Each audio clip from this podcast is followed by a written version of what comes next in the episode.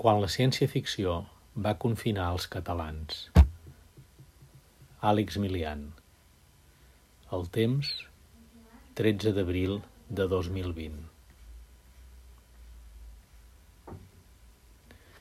Som a l'any 233 de l'era profunda o era nova, és a dir, 233 anys després que un bon nombre de catalans es posés a recer dels efectes mortals d'una glaciació baix d'Olesa de Montserrat i la muntanya màgica, en una gran cova que es va anomenar, per raons òbvies, Subolesa.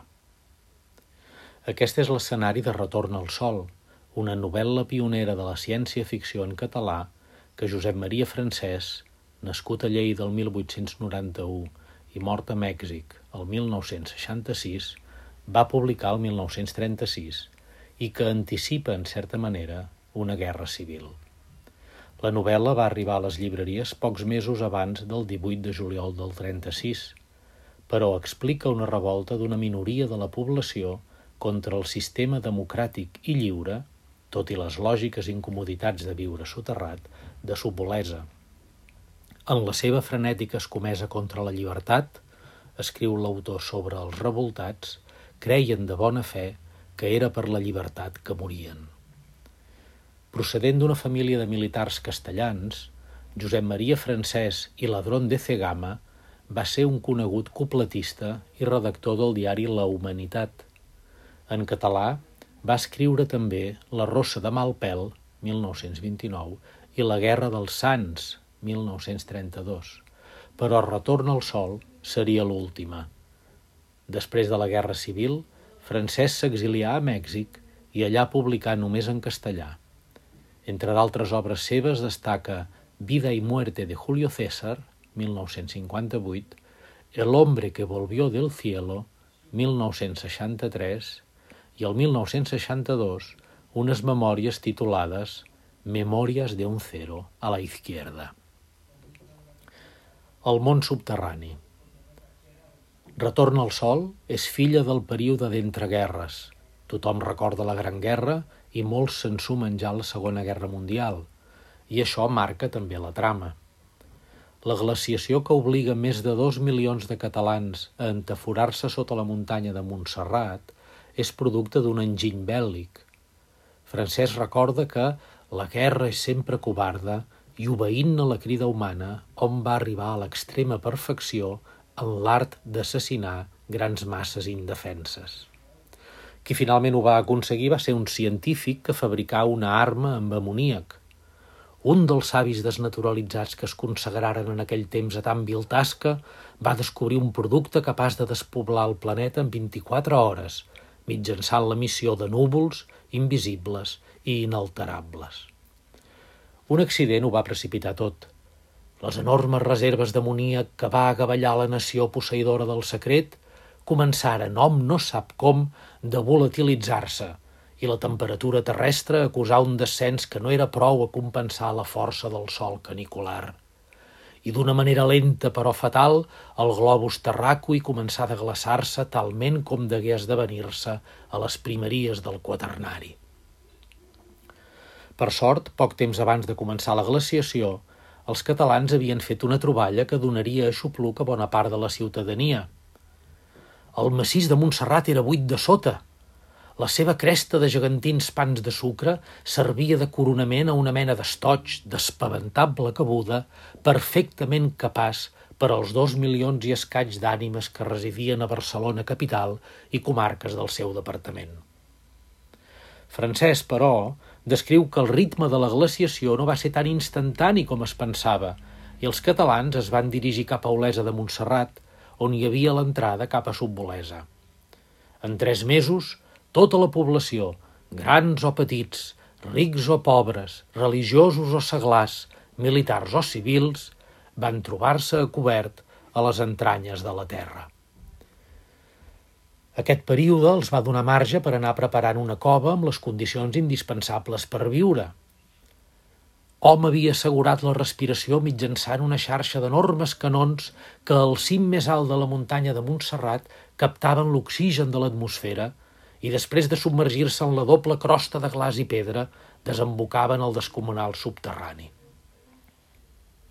Les dimensions de la cova anirien millorant amb els anys, però en aquell moment el principal avantatge de la gruta eren les seves dimensions.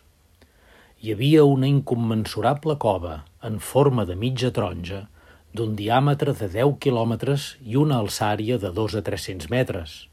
La volta, de granit, era gairebé llisa i recordava molt el cel dels antics. D'aquesta cova central partien diverses galeries que anaven a morir en coves menors, per bé que la més petita abastés les dimensions del vell Teatre Olímpia, el Gran Price i l'estadi de Montjuïc plegats.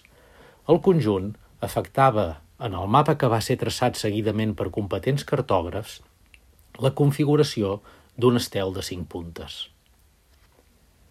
Sàtira social Josep Maria Francès va subtitular Retorn al Sol com novel·la de fantasia i sàtira. Efectivament, l'humor i la paròdia de la societat i la política del moment són dues claus del llibre.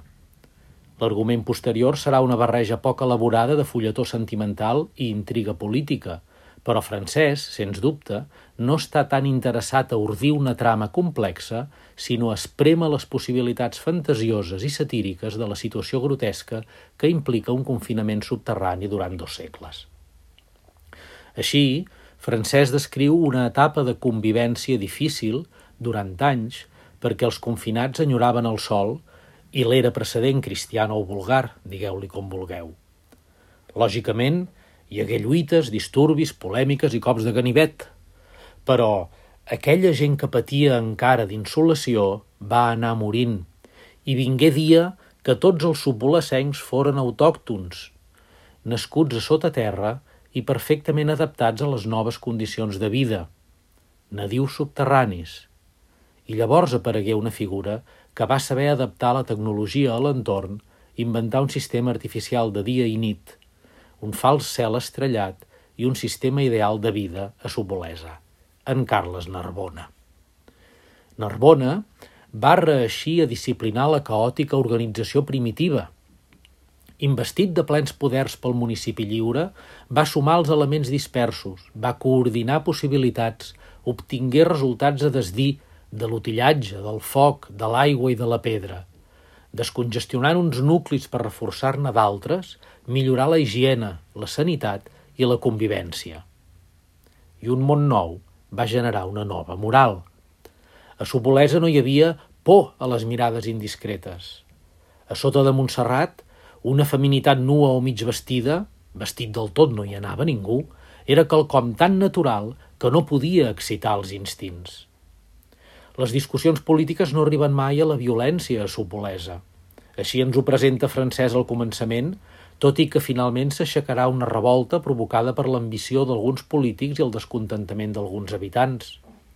Com passava a Catalunya i arreu del país en aquell moment, a Sopolesa hi ha dos ateneus on es reuneixen els ciutadans d'idees oposades, els del Club Nitros i els del Plutos, però fins i tot quan les polèmiques no eren massa cordials, la indignació se'ls encalmava de pressa. A Sopolesa, el sol no escalfava els caps i tot acabava sempre bé, escriu Francès en un dels molts jocs de paraules que omplen la novel·la.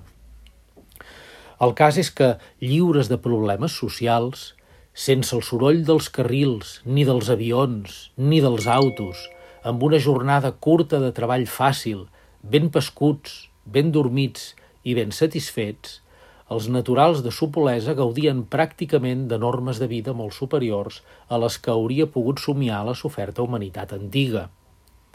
Efectivament, el treball dur el feien gairebé tot les màquines, però tots cobraven el mateix. Els sopolesencs i les sopolesenques, aquesta duplicació no la fa l'autor, practiquen gimnàstica tots els dies. Eren una cinquantena i llurs cossos elàstics i blincladissos realitzaren durant set quarts d'hora a l'uníson complicats exercicis amb una naturalitat corprenedora. Tots dinaven junts el mateix. El dinar era col·lectiu com totes les coses a Sopolesa. Per cada 20 o 30 estatges hom disposava una taula de grans dimensions. Era l'únic àpat del dia i estava integrat principalment per carnoses espècies de xampinyons i la polpa d'una planta, de la família de les algues, que creixia sota les aigües del Gran Canal. A punt de francès que aquesta menja submarina era força nutritiva i es païa molt bé. Teòricament només es bevia aigua. La llei seca a Sopolesa no obeïa el caprici d'un legislador entestat a enriquir els contrabandistes. S'imposà tota sola tan bon punt es va haver consumit el darrer litre d'alcohol importat de la superfície. Però després sabrem que no és ben bé així i que hi ha racons de subbolesa més foscos que d'altres. Simplement, el vici, a subbolesa, no era estrident. Era en laberints infrasubterranis on s'hi amagaven mitja dotzena de llocs que haurien pogut anomenar de perdició si no fos que tenia privat de perdre's una gent que no es podia moure d'allà on era – la cosa semblava limitar-se a tres o quatre cabarets on la joventut s'esvergia honestament bevent aigües ferruginoses. Però en realitat, a la quarta cova, les coses canviaven d'aspecte i els caus eren més repel·lents i els que hi concorrien no tastaven l'aigua de la font del ferro, sinó que algú destil·lava clandestinament l'alcohol que poguessin contenir l'espart i la fusta, així com una espècie molt rara de xampinyons que ningú no volia per indigestos.